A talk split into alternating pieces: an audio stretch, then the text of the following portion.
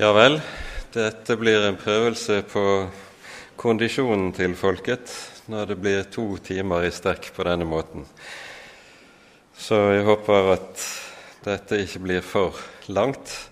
Men eh, på mange måter blir denne timen en fortsettelse av eh, timen til Gunnar Jonstad.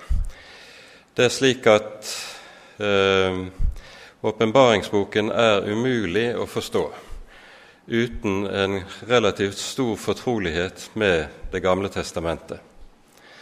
Og Jeg tror også det er dekning for, med tanke på det som vi skal ha for oss i denne timen, at åpenbaringsboken likeledes er umulig å forstå på en god del viktige felter uten et kjennskap til gudstjenesten i tempelet i Jerusalem. For nettopp tempelgudstjenesten i Jerusalem utgjør en veldig viktig bakteppe for svært, svært mye av det vi hører i åpenbaringsboken. Før vi går inn i dette, la oss be sammen. Kjære gode Herre og Hellige Far. Til deg kommer vi, på ditt hellige navn kaller vi. Vi lover og takker deg for det evige håp du har kalt oss til, og som du har lagt frem for oss i ditt hellige ord. Vi lover og takker deg, Herre, at du ga din sønn, lammet, i vårt sted, at vi skulle nå målet. Nå ber vi også, Herre, at du vil sende din Hellige Ånd å være hos oss denne timen og gi oss åpne ører til å høre og åpne hjerter til å forstå dine ord. Amen.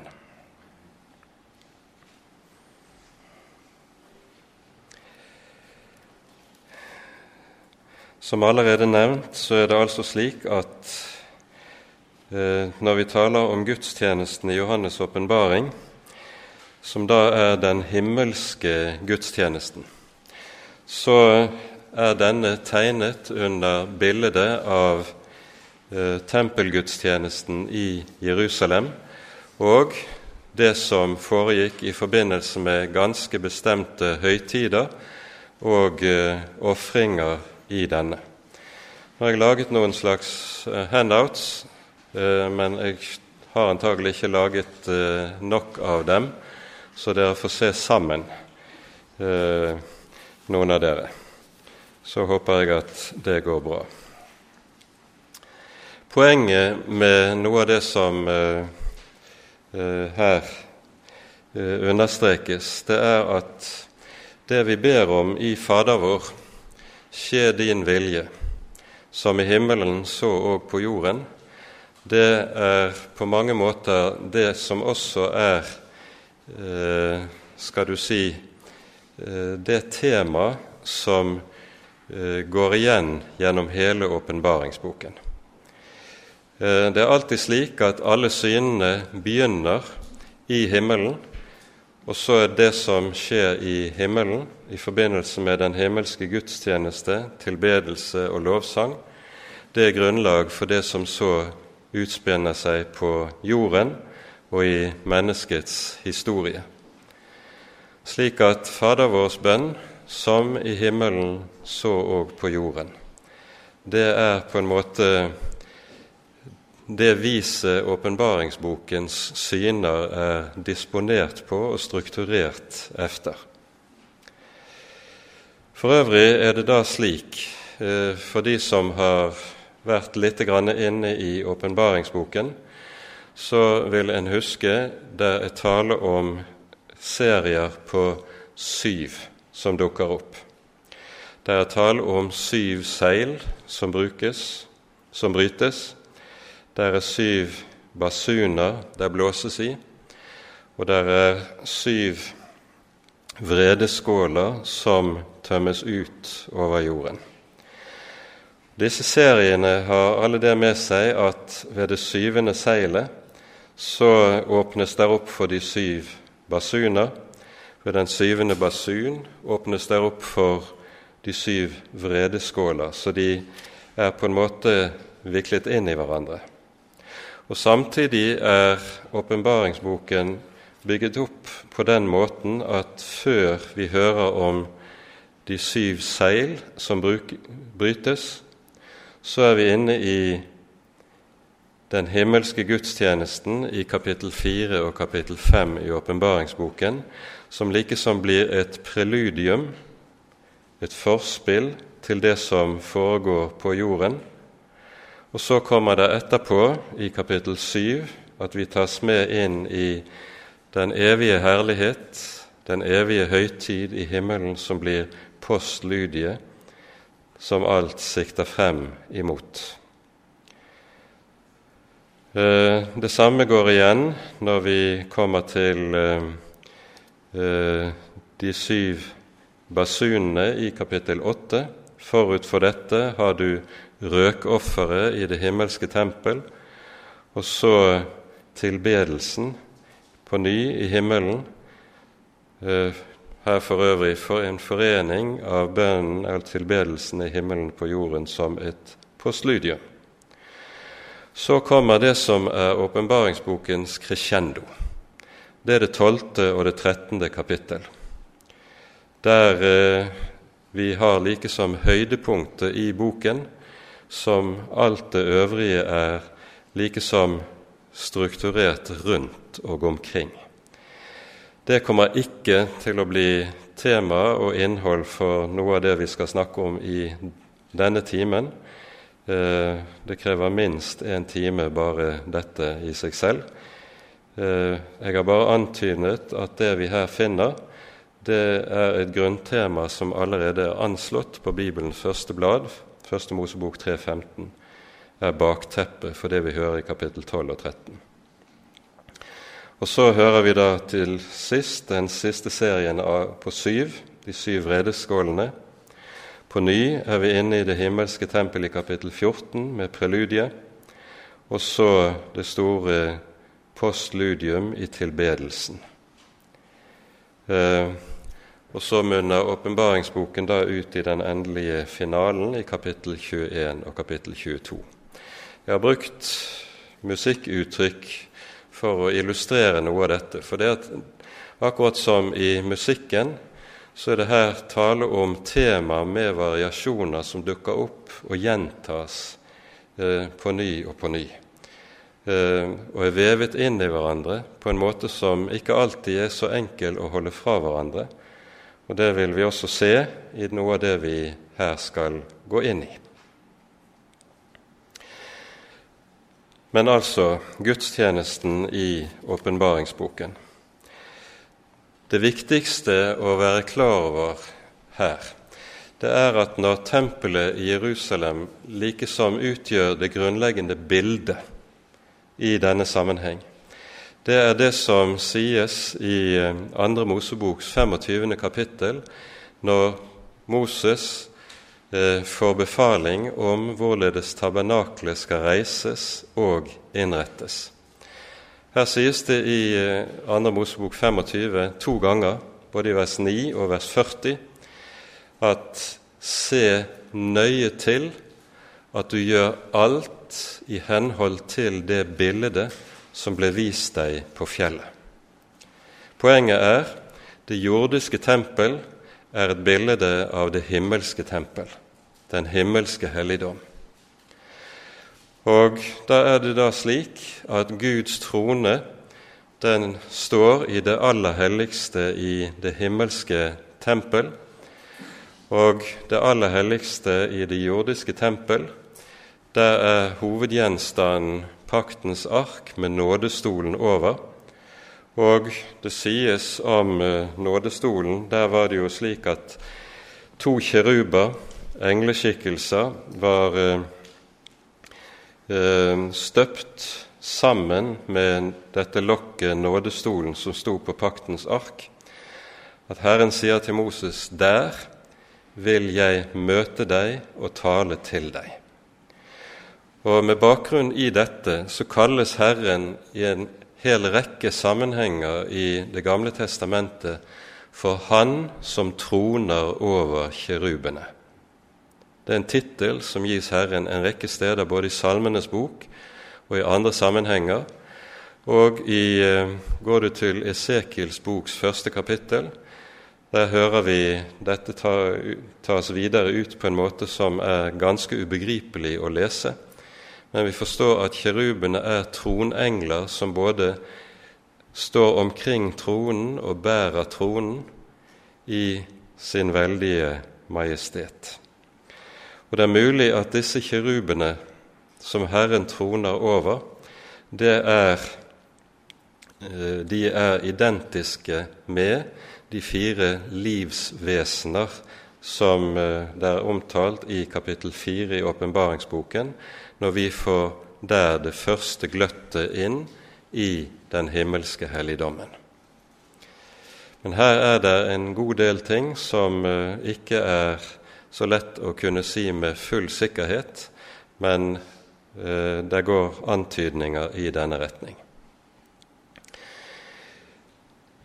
Det er altså slik at tempelet er så å si den ytre settingen for eh, mye av det som foregår, og hvis vi skal forstå det som skjer i den himmelske verden og i den himmelske gudstjeneste, så er det tempelet som er eh, settingen omkring det.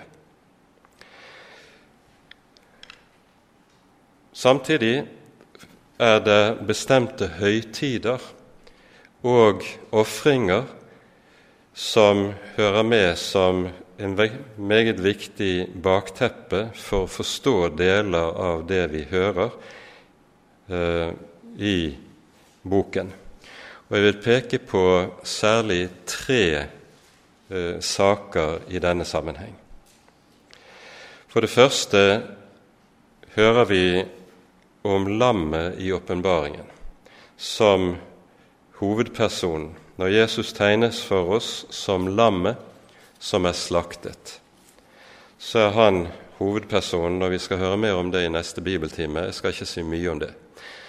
Men noe av det viktigste bakteppet for at Jesus kalles lammet som er slaktet Det er to saker i det som foregikk i tempelet.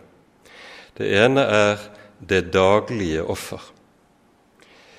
Det daglige offer bestod av at hver morgen og hver aften ble det ofret et lam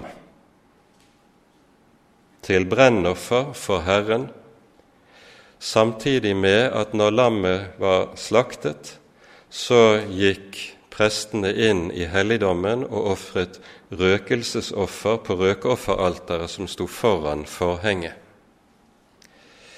Mens eh, lammet ble slaktet, så gikk prestene også inn i helligdommen og stelte den syvarmede lysestaken. Eh, det ble fylt ny olje på den, lampene ble renset, og det ble gitt nye veker til lampene. På den store forsoningsdagen, som er det andre som er bak, ligger bak talen om lammet, så var det ikke den vanlige prest som skulle utføre denne renselsestjenesten av den syvarmede lysestaken, men ypperstepresten. Det hørte til hans tjeneste på den store forsoningsdagen. Og Dermed så får vi et underlig innfalls, en underlig innfallsvinkel til det vi leser i de tre første kapitlene i åpenbaringsboken. For i kapittel 1, når Jesus åpenbarer seg, så åpenbarer han seg som ypperste presten. Han har belte om brystet. Det var det kun prestene som hadde når de var i tjeneste, og det sies uttrykkelig i de rabbinske forskrifter om dette at dersom presten ikke har belte om brystet, da er hans tjeneste ugyldig. Jesus er tegnet som ypperste presten. På den store forsoningsdagen begynner hans tjeneste med da at han går inn i det hellige og renser og trimmer den syvarmede lysestaken. Og I kapittel 1 hører vi hva den, de syv lysestakene av gull er. Det er menighetene. De syv lysestaker er menighetene.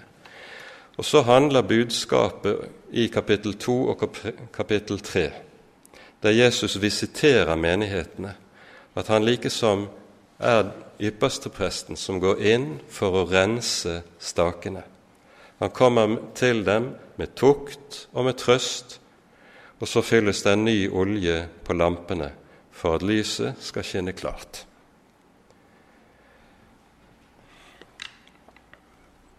Denne, dette som her har med da, det daglige offer å gjøre, som altså skjer hver dag for Israels folk gjennom hele året, det var også kjennetegnet ved at etter at lammet var slaktet, så skulle det frembæres røkoffer. Og Røkelsen som offer hører vi om et par steder som er meget sentrale i vår sammenheng. Etter at Johannes i kapittel 5 har fått åpenbart lammet Vi kommer, skal gå med inn på den himmelske gudstjenesten i kapittel 4 og 5. Men etter at han har fått sett lammet som er slaktet, hva er det vi så hører? Jo, det fortelles i vers 8. Da lammet tok boken, falt de fire livsvesener og de 24 eldste ned for lammet. Hver av dem hadde harpe og gullskåler fulle av røkelse. Det er de helliges bønner. Røkofferet skulle frembæres etter at lammet var slaktet, etter at det var gjort soning for folkets synder. Og nå er det gjort soning, så kan bønnene bæres frem i det hellige. Dette dukker opp igjen også i det åttende kapittel. Eh, her hører vi det sies i, fra vers 1 eh, til 4 da lammet åpnet det syvende seil, ble det stillhet i himmelen omkring en halv time. Og jeg så de syv engler som står for Gud, og det ble gitt dem syv basuner. En annen engel kom og sto ved alteret. Han hadde et røkelseskar av gull. Det ble gitt ham en stor mengde røkelse for at han skulle legge den til de helliges bønner på gullalteret foran tronen og røken av røkelsen steg fra engelens hånd opp for Gud sammen med de helliges bønner. Her er poenget det at når røkofferet ble ofret i det hellige i forbindelse med det daglige offeret i tempelet, da sto folket utenfor og ventet på presten i stillhet. Og det var absolutt stillhet i helligdommen.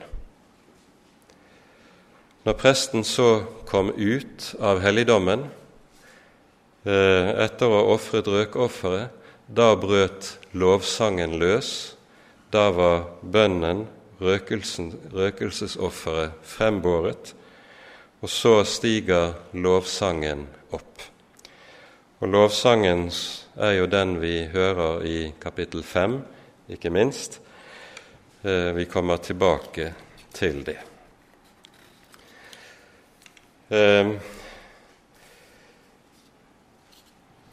Når det gjelder tempelet som liksom det sted som er stedet for eh, den himmelske gudstjenesten, så skal vi bare peke på et par sånne enkle statistiske fakta i åpenbaringsboken.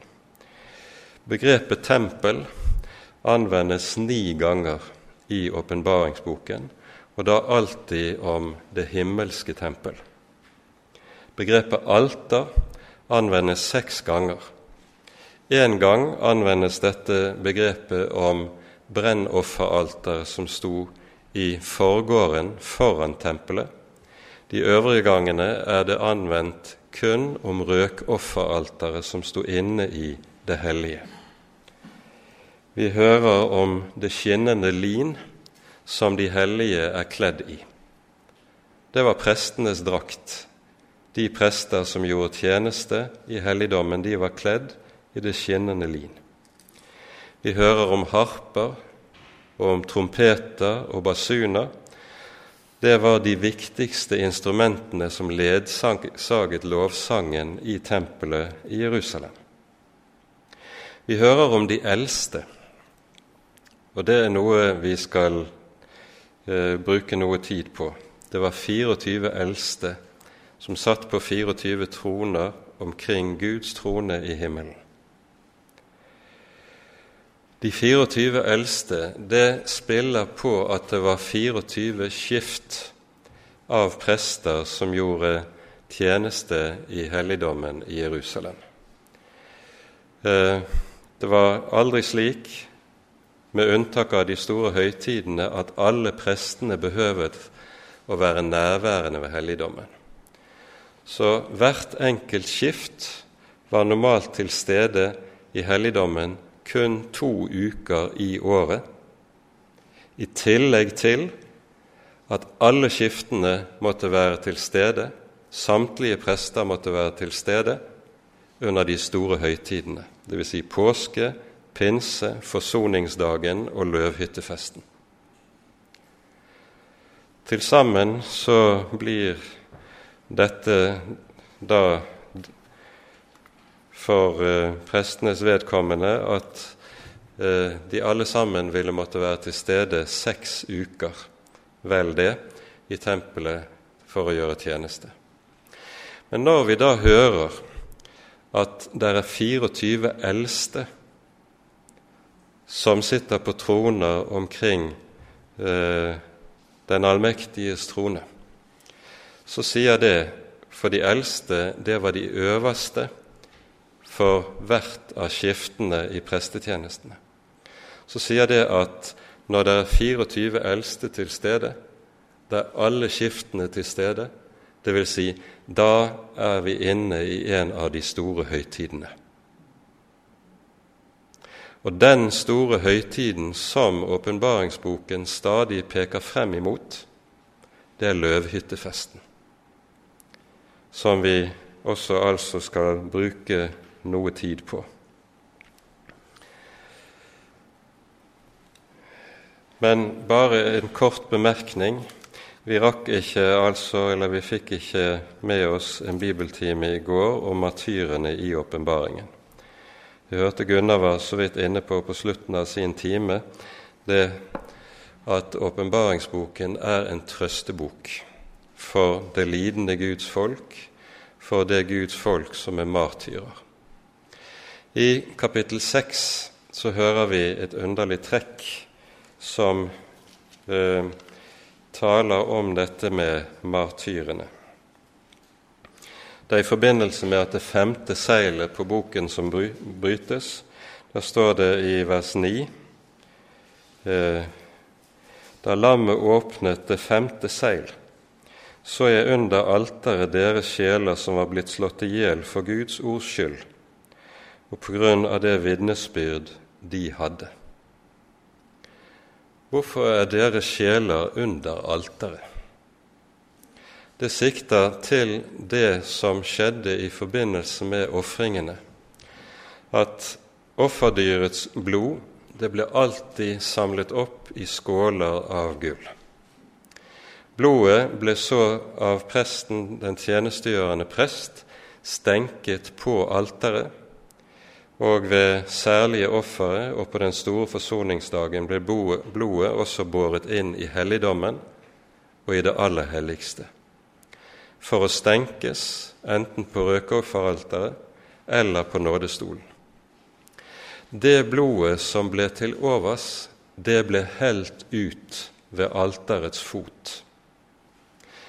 Og I Det nye testamentet hører vi i en rekke sammenhenger at det å lide for Jesus skyld, det er å ofres som slaktoffer eller brennoffer for Herren.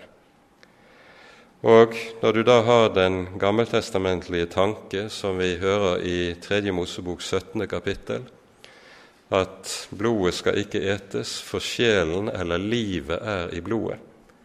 Blodet ble helt ut ved alterets fot, så forstår vi symbolikken i dette når de, de martyrene er under alteret, så er det fordi de betraktes som offer som er ofret for Herren. Det er tankegangen som ligger i dette. La oss nå gå noe inn i den himmelske gudstjeneste. Vi rekker ikke å gå inn på ting i detalj, men jeg har pekt på nå noen eh, antydninger for hvorledes tankegangen er i boken. Vi begynner med å lese fra kapittel fire. Deretter så jeg og se en dør som var åpnet i himmelen. Og den første røst jeg hadde hørt tale til meg som en basun, sa:" Kom opp hit, og jeg vil vise deg det som skal skje etter dette. Den første røsten, det er jo Kristi røst, som lød i kapittel 1. Straks ble jeg rykket bort i ånden, og se, en trone var satt i himmelen, og der satt en på tronen. Han som satt der, var å se til som jaspistein og sardastein. Og rundt tronen var der en regnbue som smaragd å se til. Rundt omkring tronen var det 24 troner, og på tronene satt det 24 eldste, kledd i hvite klær og med kroner av gull på sine hoder.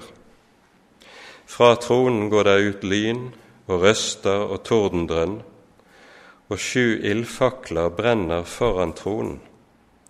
Det er de sju Guds ånder. Og foran tronen er det like som et glasshav, lik krystall, og midt for tronen og omkring den fire livsvesener fulle av øyne foran og bak.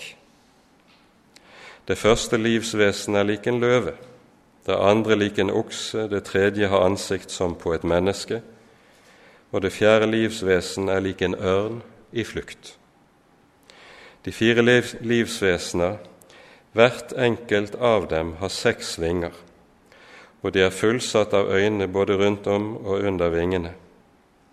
Natt og dag, og uten opphold, sier de, Hellig, Hellig, hellig er Herren Gud, den allmektige, Han som var, og som er, og som kommer. Og når de fire livsvesener gir pris og ære og takk til Ham som sitter på tronen, Han som lever i all evighet, da faller de 24 eldste ned for Ham som sitter på tronen, tilber Ham som lever i all evighet, og kaster sine kroner ned for tronen og sier:" Verdig er du, vår Herre og Gud, til å få lovprisning og ære og makt. For du har skapt alle ting, og på grunn av din vilje ble det til og ble de skapt. Det vi her hører, det har som bakteppe en rekke tekster i Det gamle testamentet. Vi har allerede vært inne på noen av dem, men vi må her også nevne 2. Moseboks 24. kapittel, når i forbindelse med paktslutningen Israels eldste blir med Moses opp på, bygg, på berget og får skue Herren tilsvarende som Johannes får her med havet av krystall under hans føtter. Det som er spesielt når vi ser på kapittel 4 og kapittel 5 i sammenheng, det er at kapittel 4 der lovprises Herren som den allmektige, som den hellige og som skaperen. I kapittel 5 trer han frem som frelseren og forløseren i lammet. Det er altså disse to grunntema fra Skriften, skapelse og forløsning, som er grunntema i disse to kapitlene, og som er grunntema i den himmelske gudstjenesten. Og Dette henger jo da også uløselig sammen med at når Herren taler om seg selv og åpenbarer sitt navn i åpenbaringsboken, så sier han 'Jeg er begynnelsen og enden', den første og den siste, alfa og omega. Han er skaperen og alle tings mål. Og den som er alle tings mål, det er nettopp han som er lammet, som åpenbares da i det femte kapitlet. Vi legger merke til at den gudstjeneste og den liturgi vi er vitne til i kapittel fire, den foregår som vekselsang. Sangen 'Hellig, hellig, hellig', den hører vi jo også i Jesaja-bokens sjette kapittel, der Jesaja også får lov til å se inn i den himmelske gudstjeneste og lytte til den himmelske liturgi. Og så får denne vekselsang et svar fra representantene for prestene skifter, de øverste for prestene skifter, de eldste, som altså svarer 'verdig er du', verdig er du. For det er tydelig at de 24 eldste de fungerer som representanter for dem, dem som kalles det kongelige presteskap i åpenbaringsboken. Allerede i kapittel 1 sies det om Guds folk følgende Det er Jesus som taler og sier Det sies om Jesus han er den som elsker oss og løste oss fra våre synder med sitt blod, og gjorde oss til et kongerike og til prester for, for Gud, sin Far. Han være æren og makten i all evighet.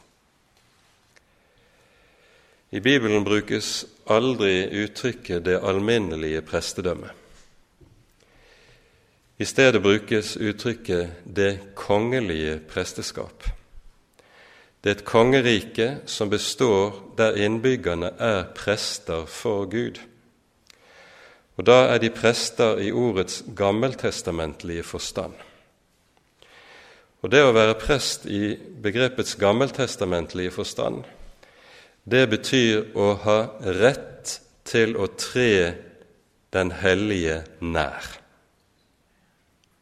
Det sies uttrykkelig i forbindelse med lovgivningen om presteskapet, f.eks. i 4. Moseboks 18. kapittel. Dersom en fremmed kommer nær, da må han dø. Den som ikke er prest, har ikke rett til å tre den hellige Gud nær. Ved forsoningen har Guds sønn gjort oss til prester for Gud. Det vil si, han har gitt oss den rett at vi skal få tre den hellige nær. Det vil si påkalle Han som far, finnes for Hans åsyn som Hans fortrolige og være Hans egne barn. Og Dette understrekes også for oss når vi kommer til det femte kapittel når vi hører lovsangen for lammet. Lammet åpenbares. Løven av Juda, han er lammet. Og så leser vi fra vers 9. Det står at her faller både livsvesenene og de 24 eldste ned for lammet. Det står ikke at livsvesenene faller ned for den allmektiges trone når vi hører lovsangen i kapittel 4. Men livsvesenene faller ned for lammet, sies det, sammen med de 24 eldste. De synger en ny sang og sier, Verdig er du til å ta imot boken og åpne seilene på den, fordi du ble slaktet og med ditt blod kjøpte oss til Gud, av hver stamme og tunge og folk og ett, og gjorde dem til et kongerike og til prester for vår Gud, og de skal herske som konger på jorden. Det er det hellige presteskap som er blitt til ved lammets offer og ved lammets blod, som her tales om. Og på ny kommer gudstjenesten til uttrykk i form av vekselsang. Nå har vi hørt den store lovsangen i himmelen, og nå får den sitt gjensvar. Vi leser fra vers 11. Og jeg så, og jeg hørte røsten av mange engler omkring tronen, og de fire livsvesener og de eldste. Tallet på dem var ti tusen ganger ti tusen og tusen ganger tusen. De sa med høy røst, Verdig er lammet som ble slaktet, til å få makt og rikdom og visdom og styrke og ære og pris og velsignelse. Og så kommer det tredje koret, som stemmer i denne lovsang og vekselsangen. Og hver skapning som er i himmelen og på jorden og under jorden og på havet, og alt det som er i dem, hørte jeg si, ham som sitter på tronen, og lammet tilhører velsignelsen og æren og lovprisningen og makten i all evighet. Og de fire livsvesener sa, Amen. Og de eldste falt ned og tilba. Denne slags vekselsang som vi her hører om i den himmelske gudstjeneste, der etter hvert hele skaperverket tar del i tilbedelsen og sangen, det er den type vekselsang som er bakgrunnen for den vekselsang vi har i våre gudstjenester og i vår liturgi. Det var på denne måten gudstjenesten foregikk, eller gudstjenesten sang foregikk i tempelet i Jerusalem. Der, der var gjerne to kor, kanskje tre kor, bestående av levitter, og der folket kunne svare med et omkved eh, på den lovsangen som levittene ledet an i. I de rabbinske forskriftene for uh, levittenes tjeneste uh, sto det bl.a. at den viktigste kvalifikasjonen for å være levitt, det var å ha en god sangstemme. Det sier noe om betydningen av sangen i tempelet i Jerusalem. Og det er dette vi møter altså i lovsangen her. Og nettopp lovsangen og tilbedelsen i den himmelske gudstjenesten, det er noe som går igjen videre gjennom åpenbaringsboken. Eh, vi rekker ikke å se på alle disse tekstene, men jeg henleder bare oppmerksomheten spesielt på kapittel 14 og 15, og det vi hører også i kapittel 19. Men før vi setter punktum for denne timen, så må vi se på en særlig høytid som markeres i åpenbaringsboken, og det er løvhyttefesten. Det er slik i Det nye testamentet at de gammeltestamentlige høytider de har sin motsvarighet i Det nye testamentet. Påskehøytiden den er forbildet på det som skjer i forbindelse med påsken i Jerusalem, og som vi i vår, markerer i vår påskefeiring. Pinsehøytiden, når Ånden ble utgitt, den ble feiret i Jerusalem til minne om lovgivningen i tempelet, til lovgivningen på Sinai, og den har også fått sin oppfyllelse i Kirkens historie og i forbindelse med Jesu liv. Den store forsoningsdagen den har sin oppfyllelse langfredag. Men det er én høytid som altså har et forbilde i seg som enda ikke er oppfylt, og det er nettopp løvhyttefesten. Løvhyttefesten, slik den ble feiret i Jerusalem, den er forbildet på den store herlighet når målet er nådd.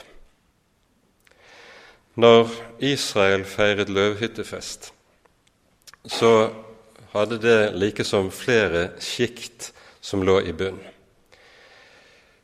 Eh, for det første så var løvhyttefesten en innhøstningshøytid eller en høsttakkefest, akkurat som både påske og pinsehøytiden var det. I forbindelse med pinsen ble førstegrøden av hvetehøsten båret frem i Herrens helligdom. Når løvhyttefesten ble feiret, det foregikk gjerne i september, vår september-oktober, så var all landets øvrige grøde høstet inn. Druer, oliven, fiken, dadler osv. Da var all grøden kommet i hus. Og Nettopp dette er det første som det er løvhyttefesten jo er bilde på.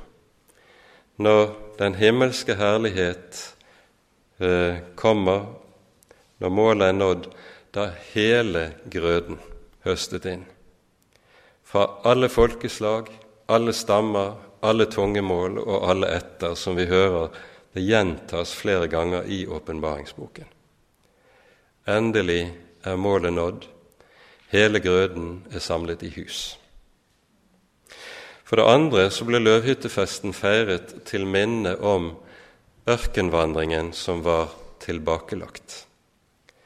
Israels vandring etter utgangen av Egypt frem mot det lovede land, det har jo alltid vært et forbilde på Guds folks vandring gjennom denne verdens ørken frem imot målet og mot herligheten. Og Nettopp dette var en annen side ved løvhyttefestens tema. Målet er nådd, vi er kommet inn til hvilen. Og Dette som altså er noe av temaet i løvhyttefesten, det er det vi møter i det syvende kapittel i åpenbaringsboken. Nå sies det uttrykkelig i 5. Mosebok 16. kapittel eh, som en lov for Israel at du skal glede deg for Herrens, din Guds ansikt. Det står nærmest som en befaling. Og det gjentas, det sies med veldig sterke ord, det skal være bare glede for Herrens ansikt. Løvhyttefesten var gledens fest fremfor alle andre fester. Og når rabbinerne etter at tempelet var ødelagt, ser tilbake på løvhyttefesten i Jerusalem, så skriver de og sier at den som ikke har vært vitne til løvhyttefesten i Jerusalem, han vet ikke hva glede er. Så sterkt ble dette markert og vi hører også rabbinerne sier i en annen sammenheng, det sies nemlig i 5. Mosebok kapittel 28, at når det første tempel falt, nemlig Salomos tempel som faller for babylonerne i 587 før Kristus, så hadde det sin årsak i, som det står i 5. Mosebok 28, fordi du ikke tjente Herren din Gud med glede og av all din lyst Derfor vederfares dette deg, nemlig ødeleggelse av tempelet og folkets landflyktighet. De tjente Herren motvillig og med gretne mine. Vel, det får være en parentes. Vi leser fra Åpenbaringen 7, fra vers 9. Deretter så jeg og se en stor skare som ingen kunne telle, av alle folkeslag og stammer og folk og tungemål. De sto for tronen og for lammet, kledd i lange, hvite kapper og med palmegrener i sine hender. Og de ropte med høy røst og sa:" Frelsen tilhører vår Gud, Han som sitter på tronen, og lammet. Alle englene sto omkring tronen og om de eldste og om de fire livsvesener. Og de falt ned på tronen for sitt ansikt og tilba Gud, og de sa, Amen. Velsignelsen og herligheten og visdommen og takken og æren og makten og styrken tilhører vår Gud i all evighet. Amen. Og en av de eldste tok til orde og sa til meg, disse som er kledd i de lange, hvite kapper, hvem er de, og hvor kommer de fra? Jeg sa til ham, Herre, du vet det. Og han sa til meg, dette er de som kommer ut av den store trengsel, og de har vasket sine kapper og gjort dem hvite i lammets blod. Derfor er de for Guds trone og tjener ham dag og natt i hans tempel. Og han som sitter på tronen, skal reise sin bolig over dem. De skal ikke hungre mer, heller ikke tørste mer. Solen skal ikke falle på dem eller noen hete. Ørkenvandringen er slutt. For lammet, som er midt for tronen, skal vokte dem og føre dem til livets vannkilder. Og Gud skal tørke bort hver tåre fra deres øyne. Gleden er kommet. Det som aller klarest viser at vi her har for oss løvhyttefesten, er det som sies om palmegrenene og den tilbedelse som vi her hører. Et av særtrekkene ved løvhyttefesten var nemlig at da skulle folket komme til Herrens helligdom med palmegrener.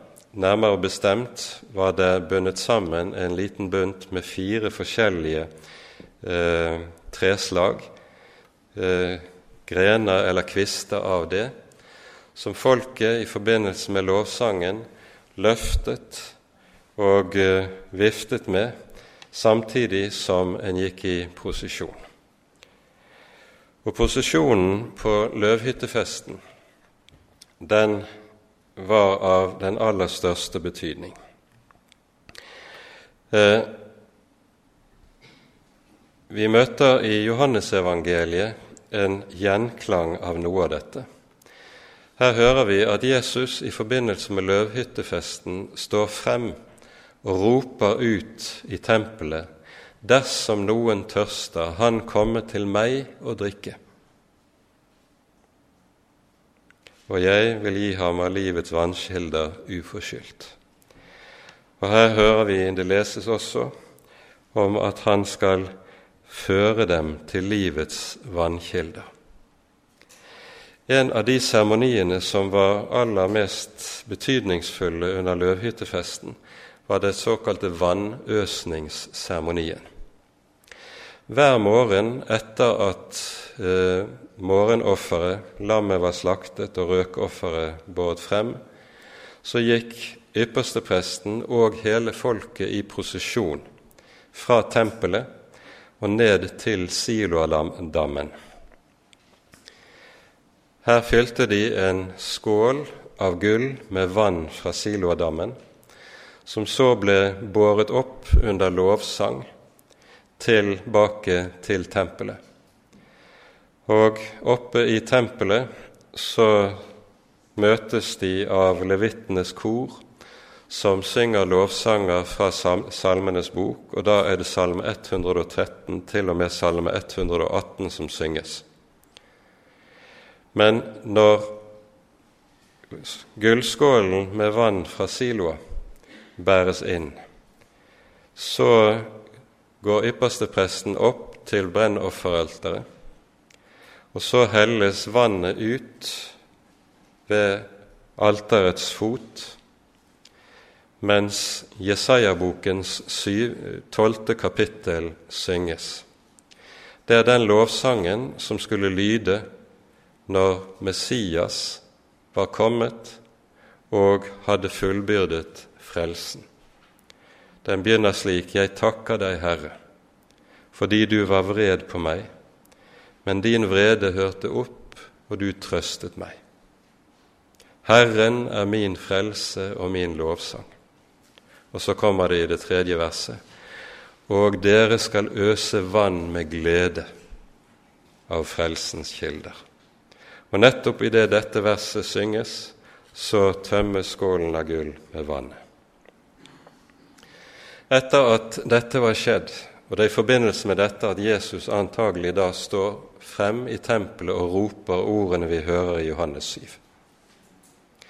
Etter at dette er skjedd, så kommer en annen side av det som var en av de viktigste seremoniene på løvhyttefesten.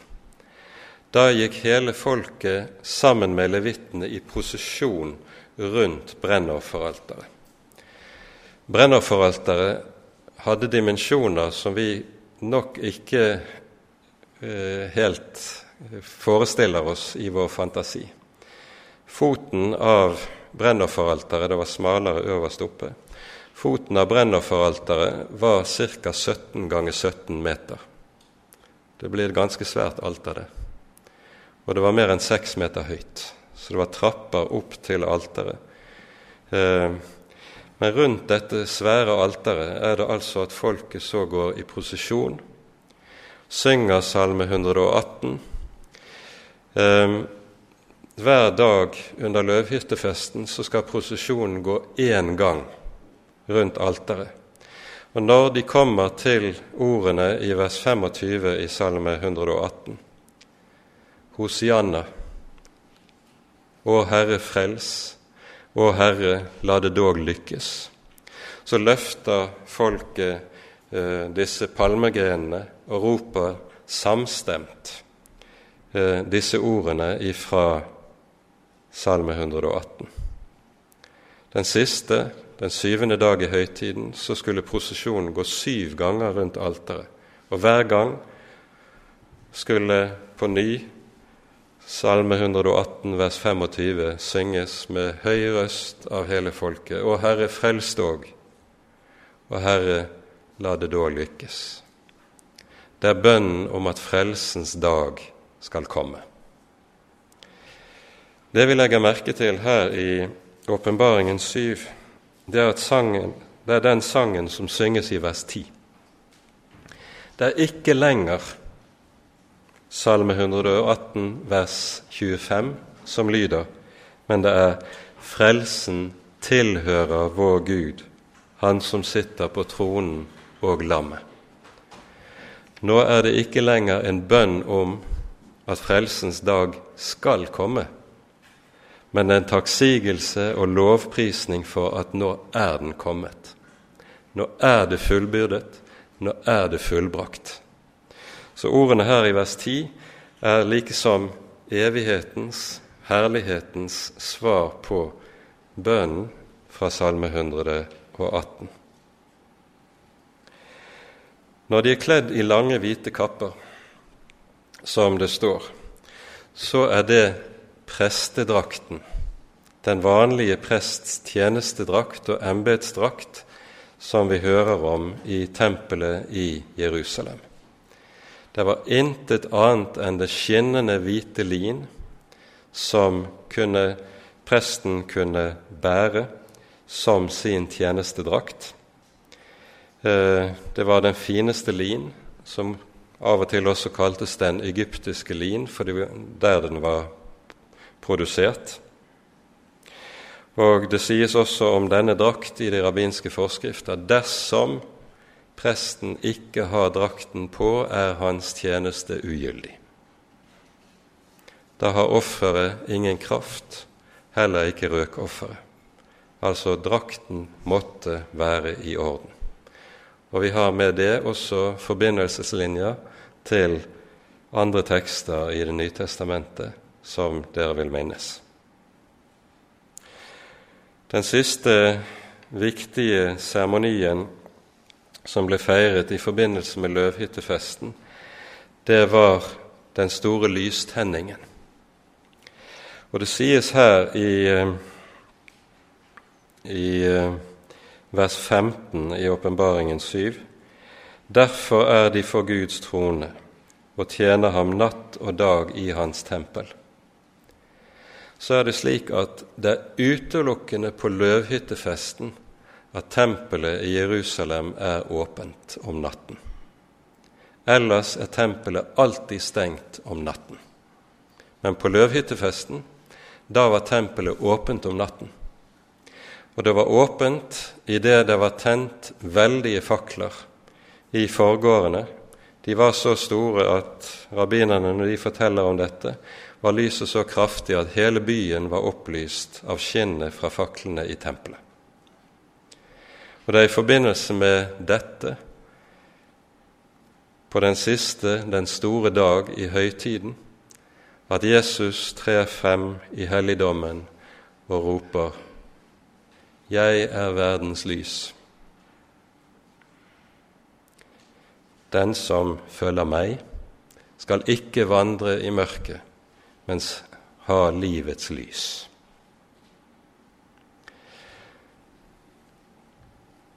Lyset i helligdommen, det skulle minne om løftet som vi hører i Jesaja-bokens 60. kapittel.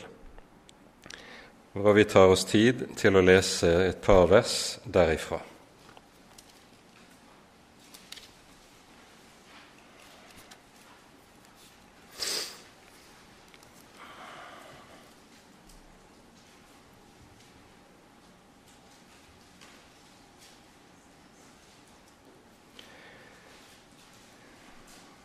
Stå opp, bli lys, for ditt lys kommer, og Herrens herlighet går opp over deg.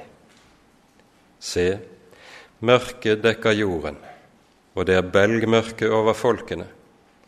Men over deg skal Herren oppgå, og over deg skal Hans herlighet åpenbare seg. Folkeslag skal vandre til ditt lys, og konger til den glans som er gått opp over deg. Herrens herlighet går opp over deg.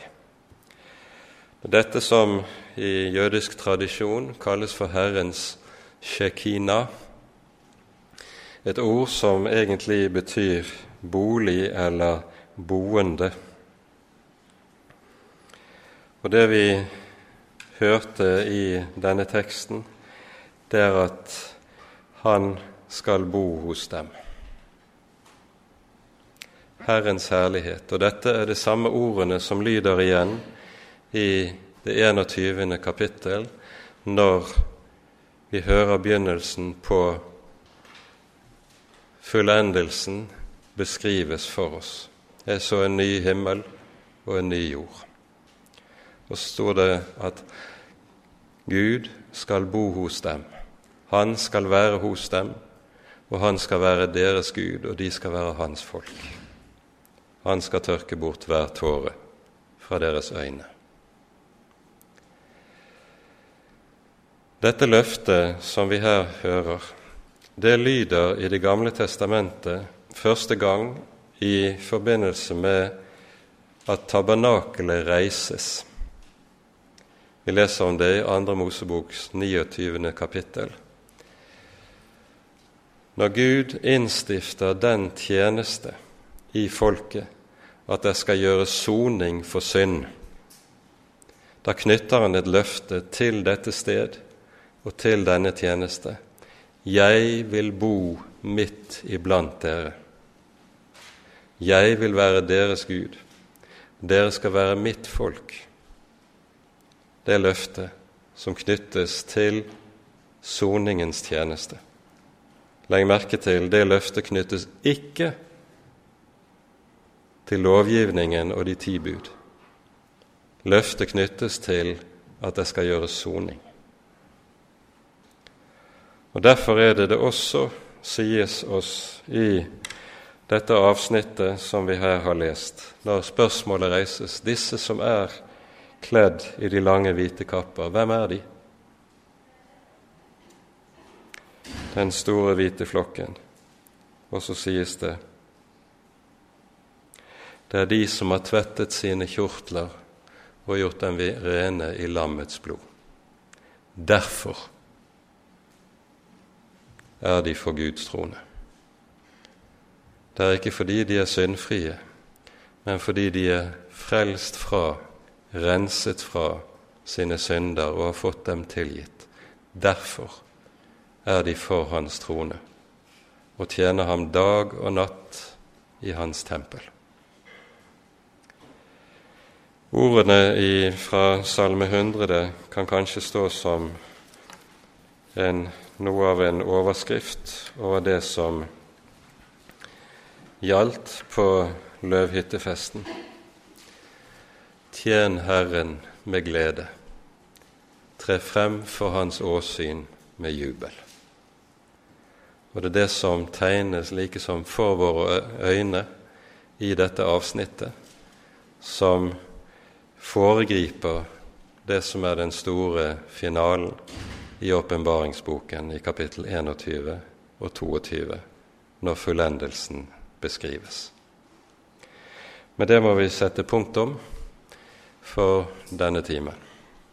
Ære være Faderen og Sønnen og Den hellige ånd, som var og er og være skal en sann Gud, høylovet i evighet. Amen.